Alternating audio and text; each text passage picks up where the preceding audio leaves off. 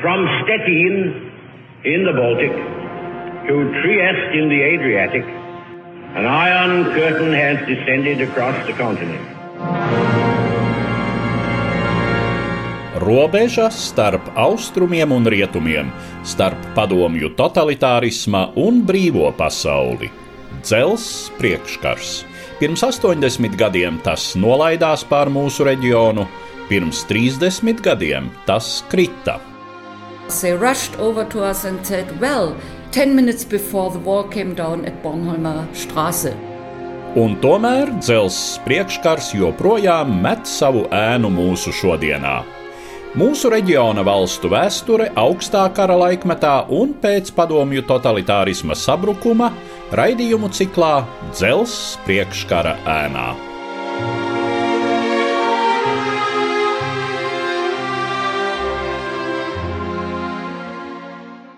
Labdien, cienījamie klausītāji!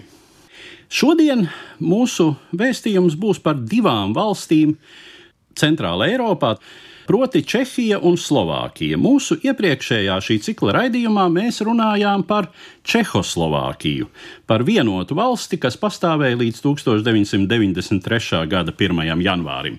Sabrūkot padomju satelītu valstu sistēmai, arī Čehija un Slovākija nolēma iet šķirtus ceļus. Un šodien tātad mūsu vēstījums par šīm divām neatkarīgajām valstīm pēdējās desmitgadēs. Mana sarunbiedra studijā ir Stradiņa Universitātes Eiropas Studiju fakultātes lektore Elīna Vrobļevska. Labdien! Labdien! Runājot par Čehiju un Slovākiju, to mēdz dēvēt par samta šķiršanos. Cik tālu salīdzinot ar to, kas tajā laikā notiek, sabrūkot Dienvidslāvijai? Līst asinis, slepkavības, galu galā NATO valstis saņemas iejaukties. Arī bijušā padomju savienībā iet visādi.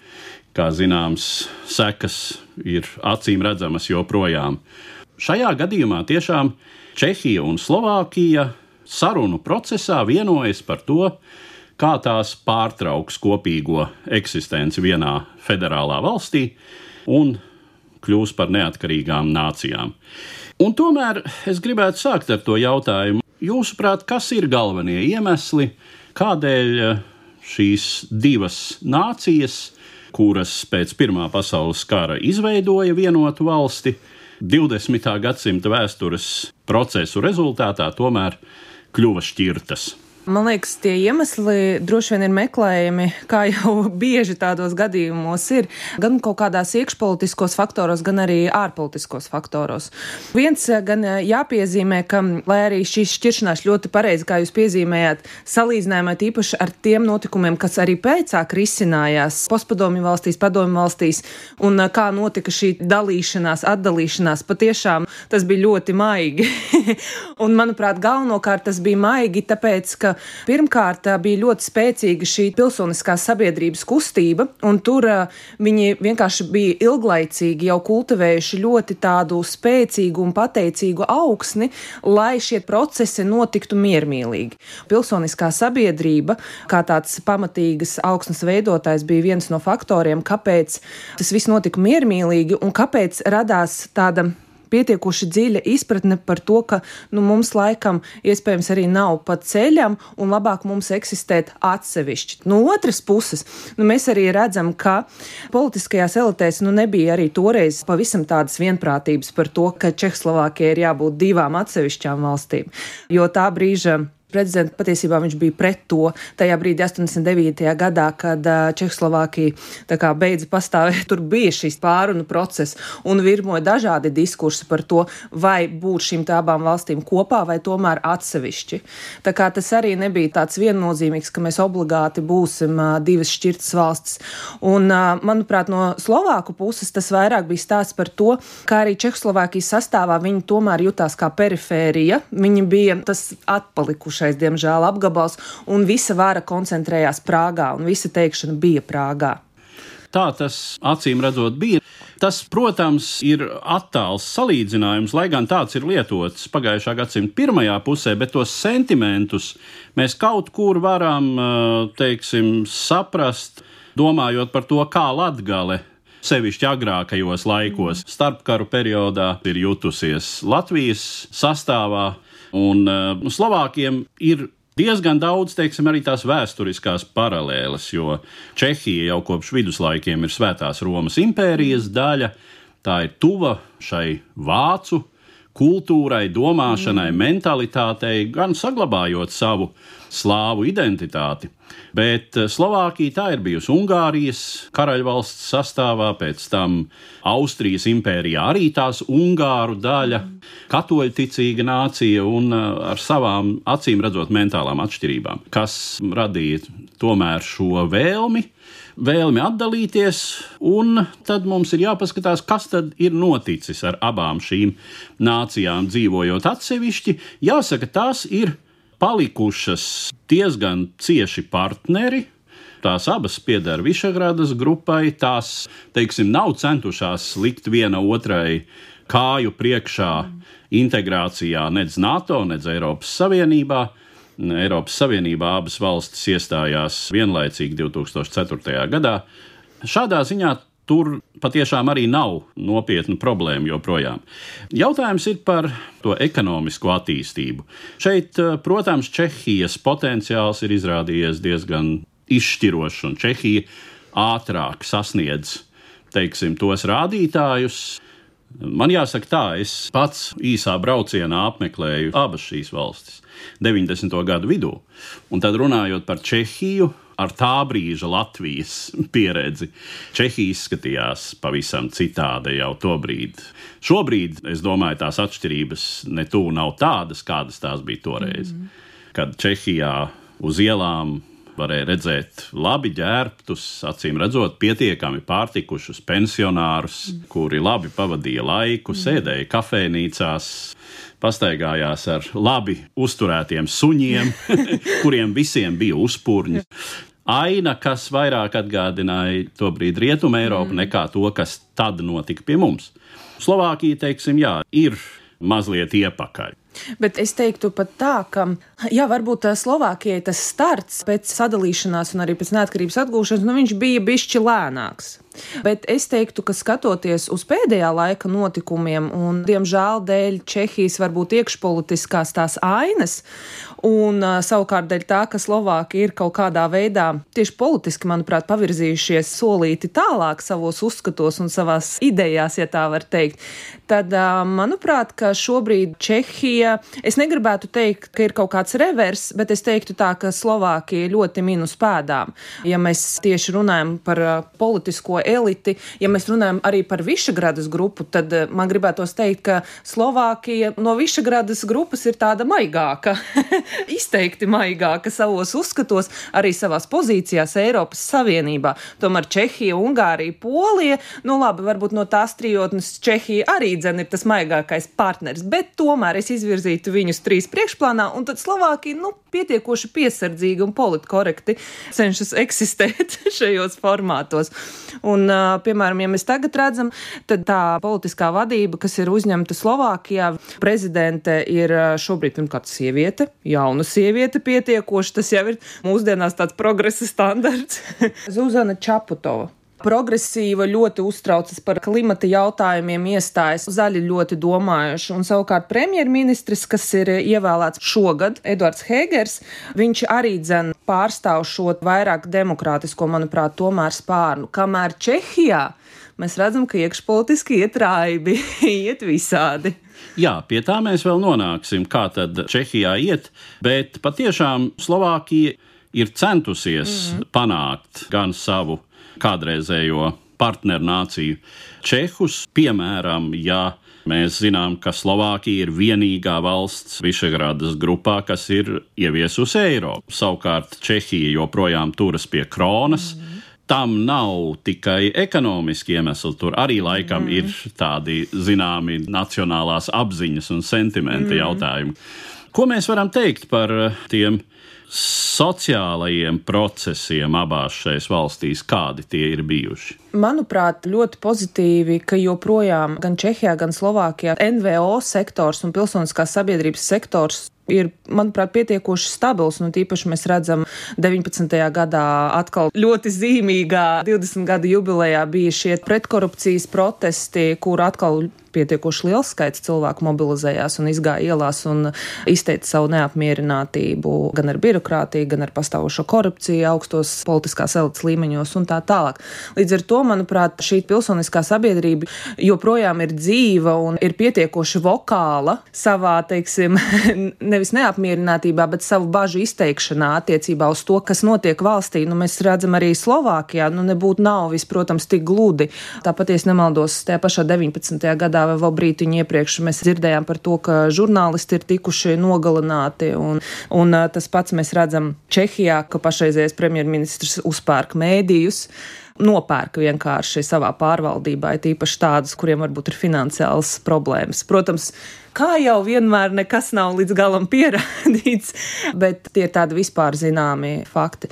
Līdz ar to problēmas ir, bet acīm redzot, šajās valstīs, šajā teritorijā pilsoniskās sabiedrības gars, manuprāt, ir ļoti dzīves, un no turienes arī nāk varbūt tas līdzsvarojums, jeb tas pretspars, lai šīs valstis tomēr saglabātu šīs demokrātiskās tradīcijas un neaizvirzītos pārāk tālu tādu politiskās elites personīgo ambīciju apmierināšanā. Bet, diemžēl, atkal jāsaka, jāsaka, ka Čehijā. Nu, mēs redzam, ka kaut kā tas līdz galam nepiepildās, bet viņiem arī tūlīt būs vēlēšanas, un tad jau mēs redzēsim, ko sabiedrība teiks. Čehijā šis process, ko mēs varētu raksturot kā tādu svārstīšanos, mm. varbūt aiziešanu no ierastās Eiropas valstu tādas politiskās kārtības, kas joprojām daudz kur pastāv, nu, proti, ka mums ir viena tāda izteikti spēcīga labēja partija un viena izteikti spēcīga kreisa partija. Tā tas bija arī līdz nesenam laikam Čehijā, kur bija Čehu sociāldemokrāti un pretējā pusē partija, kas saucās šķiet pilsoniskā platforma, un šī partija tad pārstāvēja tādu labējāku kursu, un šīs partijas savā starpā dalīja lielākoties to politisko laukumu, veidojot valdības. Tas mainījās pēc globālās ekonomiskās krīzes, mm. kad skatuvē uznāca pašreizējā premjera Babiša veidots politisks spēks. Babišs, kā zināms, ir miljardieris. Jā. Viņš būtu dēvējams par oligarhu, mm. jo viņam pieder bez uzņēmumiem, bez lielām investīcijām, tiešām arī mediji. Mm kura, protams, ietekmi viņš arī izmanto. Un eh, arī tāds gana spilgts fakts, ka viņa partija ir nodēvēta par neapmierināto pilsoņu apvienību, ja nemaldos. Tātad tur ir šis motīvs, ka viņš lūk pārstāv to intereses, kuri tā vai citādi nav apmierināti ar to, ko līdz tam ir darījušas šīs situētās politiskās partijas. Kādi ir tie iemesli, kāda tad varētu būt neapmierinātība Čehijā, uz kuru ar šo populistisko ievirzi ir spēlējis un uh, politiski vinnējis Babišs? Es domāju, tās neapmierinātības, ja mēs runājam atkal par uh, Eiropas Savienību, par vērtībām, par ekonomiku, par visiem dažādiem šiem aspektiem, man liekas, ka viņas valstīs izspēlējas pēc pietiekoši tādām tradicionālām tēmām. Tie ir kaut kādi ekonomiskie faktori, varbūt nodarbinātība, pēdējā laikā ļoti spēcīgi tiek izspēlēta arī šie vērtību faktori, nu kaut vai nostāja pret LGBTQ kopienām, kur mēs redzam pietiekoši konservatīvas Višagradas valstis.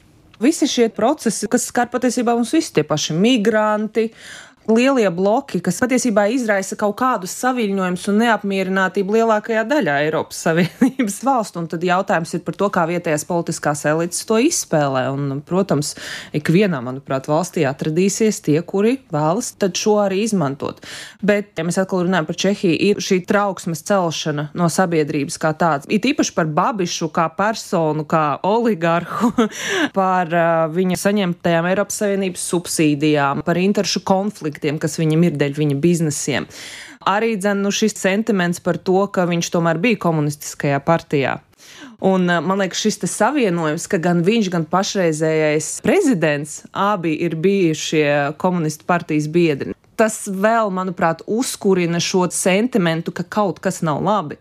Komplektā šo populistisko dienas kārtību, tas komplekts var būt tieši prezidents un premjerministrs, tas varbūt pastiprina to sajūtu, ka demokrātija ir apdraudēta. Jūs jau piesauktais faktors prezidents Zemans, kurš Jā. Čehijas prezidentam, līdzīgi kā tas ir Latvijā, nav ļoti mhm. lielas mm. varas funkcijas. Valdība, premjeras ir šai ziņā galvenie varas īstenotāji, bet tomēr arī tīri simboliskā loma un tas, kādas arī starptautiski politiskās simpātijas pauž prezidents Zemans, ka viņam patīk Krievijas prezidents Putins. Tas, ka nu, viņam arī ir tā tīri individuāli tur problēmas, var noprast, ka viņš mēdz iedzert drusku pārmēru un tā tālāk.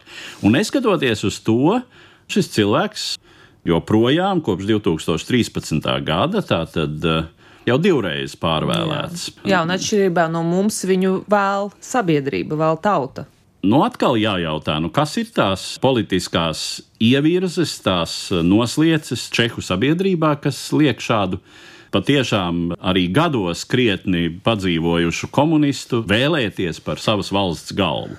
Grūti teikt. Viens, ko es iedomājos, ir, ka, protams, būtu jāskatās uz šo vēlētāju sadalījumu, kuri tad ir tie aktīvākie vēlētāji un kura tad ir šo te abu personu mērķa auditorija. Arī skatoties uz 19. gada protestiem, tur pārsvarā tomēr bija krietni jaunāka gada gājuma cilvēki, kur izteica šo neapmierinātību, un tādā ziņā varbūt patiešām Čehija ļoti līdzinās, piemēram, tai pašai savai kaimiņienei Vācijai, tajā ziņā, ka tur ļoti sadalās balsis tieši pa demografiskajām grupām. Un, diemžēl, diemžēl, līdzīgi arī kā pie mums, līdzīgi kā visā Eiropā patiesībā. Un tā ir tā tendence, ka jaunieši nav, ko mēs šobrīd uzskatām par jauniešiem, tas nav noteikti 11 gadnieks un pat ne 20 gadnieks, tas noteikti ir vēl nedaudz vecāks cilvēks. Nu, nav tā aktīvākā vēlētāja grupa, diemžēl. Un uh, to mēs redzam atkārtojamies ļoti spilgti, piemēram, tajā pašā Brexitā, kur pēc tam bija šis diskurss, ka vecā paudze, kura iespējams nepiedzīvos tās sekas, ir izdarījusi izvēli pār jauno paudzi. Bet tad jautājums ir, vai jaunā paudze bija pietiekoši aktīva, lai ietu un izteiktu savu balsi un tiešām nolemtu savu nākotni. Tā kā tas varētu būt tas viens faktors, otrs, nu, mēs jau redzam arī atkal kopsakarības atkārtojamies, ka ja tie ir pietiekoši ar tādu populistisku noslieci personas un partijas, nu, viņi jau apelē pie tā, kas sāp visvairāk. Un cilvēks arī ir tikai cilvēks. ja viņam ir svārstīgas politiskās pārliecības, un viņam patiešām ir slikti. Un patiešām, kā jau mēs no sākuma nedaudz iezīmējam, Čehija šobrīd nedaudz tomēr iepaliek vai vismaz nu, tā stagnē savā ekonomiskā attīstībā. Viņi gribēs, lai kāds viņam palīdz, lai kāds atrisina viņu problēmas. Un līdz ar to tur arī var vinēt šīs balsis. Bet atkal es ļoti gribēšu redzēt, kāds tad būs rezultāts oktobrī. Viņam tagad būs vēlēšanas, un redzēsim, vai šie skandāli, kas ir bijuši ap Babišu un ap šo viņa kombināciju ar prezidentu, vai tie kaut ko patiešām mainīs. Runājot par attīstību Slovākijā. Slovākijai atšķirībā no Čehijas, kas ir etniski salīdzinoši monolīta sabiedrība pēc otrā pasaules kara. Te jāsaka tā, ka pirms otrā pasaules kara Čehoslovākija bija diezgan etniski raiba valsts. Jo bez šīm divām, kas bija šīs valsti veidojošās nācijas, tur dzīvoja ļoti liela vācu minoritāte, kura otrā pasaules kara notikuma rezultātā tika padzīta, bija spiesta masveidā pamest savas nu, gadsimtiem senās dzīves vietas. Slovākijā saglabājās tur arī diezgan ievērojamā ungāru minoritāte. Ungārija, kā zināms, bija anektējusi daļu no Slovākijas otrā pasaules kara laikā, un zinām etniskas spriedzes momenti tur bija klātesoši. Lai gan tas arī, jāsaka, nav novedis ne pie kādiem nopietniem konfliktiem, kāda ir šobrīd tā situācija ar Slovākijas ungāru minoritāti un, uh, attiecīgi, abu valstu, Slovākijas un Ungārijas attiecībām šajā ziņā. Mm -hmm nekādu plašāku tādu informāciju par kaut kādām izteiktām svārstībām no Ungāru minoritātes es personīgi neesmu tā manījusi. Liekas, ka nu, Slovākija vispār, ja mums prasa kaut kādas asociācijas par Eiropas Savienības valstīm, tad man liekas, Slovākija principā ir pietiekoši tāda nepamanāma, lai arī viņa tur ir un ar pietiekoši lielu potenciālu. Līdz ar to, ko es varu iedomāties, ka, protams, ja Ungāru minoritātēs ir saglabājušās šie sentimenti, varbūt arī attiecībā pret Ungāriju un pret kaut kādām konservatīvākām vērtībām, tad uh, iespējams šajā virzienā arī varētu saglabāties kaut kāda politiskā pārstāvniecība. Bet savādāk, kā jūs pareizi teicāt, nu, pietiekoši miermīlīgi līdzās pastāv. No sākuma bija nedaudz šīs bāžas arī, manuprāt, tad, kad uh, Dienvidslāvijā risinājās visi šie notikumi. Un, man liekas, Slovākija principā ir jutīgāka pret Balkānu reģiona notikumiem un arī to kas notiks ar Eiropas Savienības paplašināšanos un kas notiks nākotnē. Man liktos, ka viņi vairāk uztraucas par to nekā, nekā Čehi. Bet nu, man nav tādas viennozīmīgas atbildes, jo, manuprāt, pietiekoši miermīlīgi viņiem šie procesi atkal jau ir noritējuši. Mēs jau runājam par šo politikas svārstīšanos ap šo Eiropas demokrātijas standarta asi, kas ir vērojama visā Višegradas grupas valstu četrotnē un dažādās valstīs dažādi un ar dažādām izpausmēm. Kā zināms, šobrīd Ungārija un Polija tie ir Eiropas Savienības rūpju bērni. Nemiera cēlāji.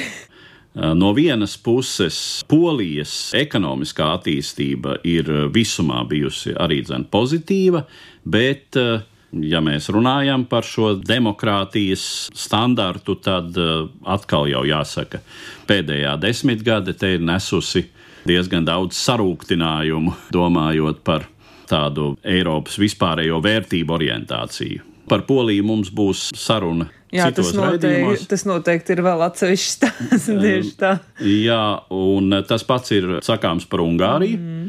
Nu, ja Polijā, teiksim, ir mazāk izteiktas šīs autoritārisma tendences, tur ir konservatīvs mm. politiskais spēks, kurš ir attiecīgi orientēts un ar attiecīgi orientētu elektorātu, tad Ungārijā premjerministra Orbāna veidotā sistēma, nu, tas jau ir tāds uh, faktiski autoritārisma modelis mm. ar daudziem tādiem paņēmieniem, kurus citas starpā lieto arī Vladimira Putina režīms Krievijā savas varas konsolidēšanai. Mēs tomēr redzam, ka ne uz Čehiju īsti, ne uz Slovākiju šīs tendences, nu vismaz tā tiešā veidā un ļoti jūtami nav pārnestas. Nav tā infekcijas. Nu, nē, jā, laikam, ka tomēr nē. jā, Babišs ir problemātiska persona. Bet eh, par to, ka viņš varētu tiešām dekonstruēt Čehijā šo demokrātijas modeli, mēs laikam mm. īsti pagaidām, ja varbūt ir bažas, bet ne ļoti nopietni signāli. Nu, un Slovākijā, teiksim, ir drīzāk pat iepriecinošas tendences. Kaut arī bija šis eh, skandāls ar žurnālistu un viņa partneres noslepkavošanu, kas bija saistīts ar starptautiskās mafijas darbošanos man arī mm, nevarētu teikt, ka simpatizē, bet uh, esmu piezīmējusi, ka arī Čehija un Slovākija šajā Višegradas grupas un Eiropas Savienības izspēle, nu, piemēram, tas pats Babišs, viņš ļoti filigrāni cenšas manevrēt. Mēs esam šajā te Višegradas grupā no vienas puses, bet lūdzu nedomājiet, ka Orbāna vai Polijas uzskati ir arī mūsu uzskati. Tā kā tad, kad ir nepieciešams, viņi pietiekoši, tas pats ar Slovākiju, viņi pietiekoši māk nodot nodistancēties no kaut kādas retorikas, kura varbūt neiet roku rokā ar to, ko viņi vēlas iegūt no Eiropas Savienības un kā viņi vēlas tikt uztverti.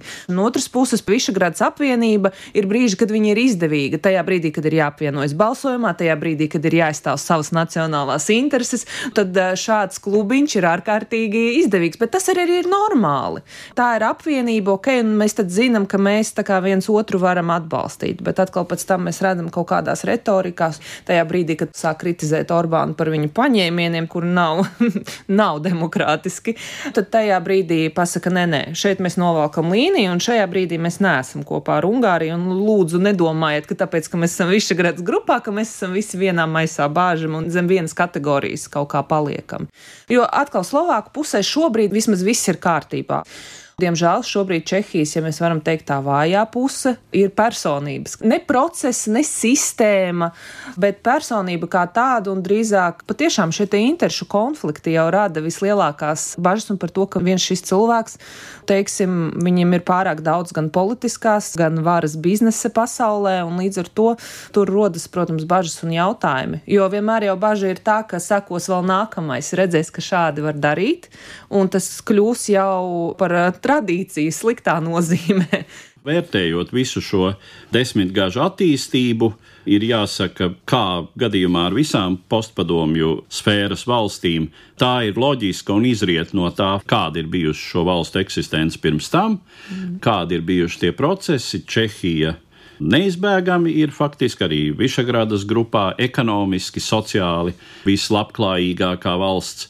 Nu, un runājot par šiem demokrātijas procesiem, Jā, no vienas puses šīs valstis, Čehija un Slovākija, joprojām nerada nopietnas pretenzijas no Eiropas centrālo institūciju puses, kādas rada Polija un Ungārija, bet nu, jāsaka tā, ka tās arī tad attiecīgi lielā mērā šobrīd ir tā teritorija, kura ir tuvu tai sarkanajai līnijai, ja mēs sakām, ka Ungārija un Polija ir tai sarkanajai līnijai pāri tajā pusē, kur jau mēs runājam par Eiropas kopīgo pamatvērtību ignorēšanu, tad Čehija un Slovākija vēl ir teiksim, mm. šim pusē robežai, mm. bet, ja tur notiktu līdzīgi procesi, tad tas jau lielā mērā visu kādreizējo padomu ietekmes sfēru kādreizējās postpadomju valstis. Mm, nu, izkrāsot un nesmukās krāsās, teiksim tā. Ar tendenci uz uh, tādu negatīvu demokrātisko attīstību drīzāk. Uz šo absurdo definējumu kā neliberāla demokrātija. Jā, neliberāla ja? demokrātija. Uh, un tā tīri geogrāfiski skatoties, tad no tās kādreizējās postpadomju sfēras, kas šobrīd pieder Eiropas Savienībai, daudz kas pāri arī nepaliktu, mm. jo gan teritoriāli, gan iedzīvotāju skaita ziņā tad tur paliek Rumānija, Bulgārija un Slovenija, Horvātija. Mm. Kur arī ir visādi. Kur arī ir dažādas problēmas, ja sevišķi, ja mēs runājam par šīm eh, divām salīdzinoši lielajām Austrumu Balkānu valstīm, kur ir gana mm. korupcijas un, un arī, teiksim, jautājumi par dažādu politisko spēku ievirzēm, domāšanas veidu, nu, un tad paliek Baltijas valstis, mm. kuras ir pietiekami tuvu Centrāla Eiropai, un mēs jau manām, ka pie mums arī tās tendences. Gatavojoties šīs dienas sarunai, lasot materiālu, radās tādas pārdomas, ka mēs joprojām, ja mēs runājam tieši par saitēm, teiksim, kas ir palikušas ar Krieviju, postpadomi valstīs izteikti, nu, manuprāt, pirmkārt tās ir biznesa saites kaut kādas pateicoties tādiem cilvēkiem kā Babišam, piemēram, kuras liek domāt par to, cik lielu ietekmi šīs biznesa saites var atstāt uz valsts politiku un lēmumu pieņemšanas procesu. No otras puses, varbūt mums ir jābeidz domāt tādās kategorijās, ka vai nu šī valsts ir ar Eiropas Savienību, vai nu viņi ir ar Krieviju. Jo mēs redzam, Tā pati Čehija. Nu, atkal šeit, tāpat kā ar Višagradas grupu, notiek manevri. Kaut kādas lietas biznesa, jā, ir izdevīgi, no otras puses mēs izraidām uh, krievu diplomātus. Tas ir pietiekoši skarbs žests, un lai nedomā, ka mēs esam pilnīgi kaut kādā Krievijas ietekmes zonā. Līdz ar to mēs nevaram vairs, manuprāt, kā pirms 30 gadiem krāsot visu baltu un melnu. Šobrīd ir tik daudz pelēko zonu, un, manuprāt, līdz ar to arī sabiedrībai, cilvēkiem, pilsoniskai sabiedrībai, nevalstiskajam sektoram ir pietiekoši liels izaicinājums tajā visā manevrēt un atšķetināt, kādas tad ir tās patiesās intereses, un kurā brīdī mēs nodalām politiku un biznesu, un kurā brīdī tas ir kaut kas sasaistīts. Un tā nav tikai runa par puspadomju valstīm, arī Vācija tā pati.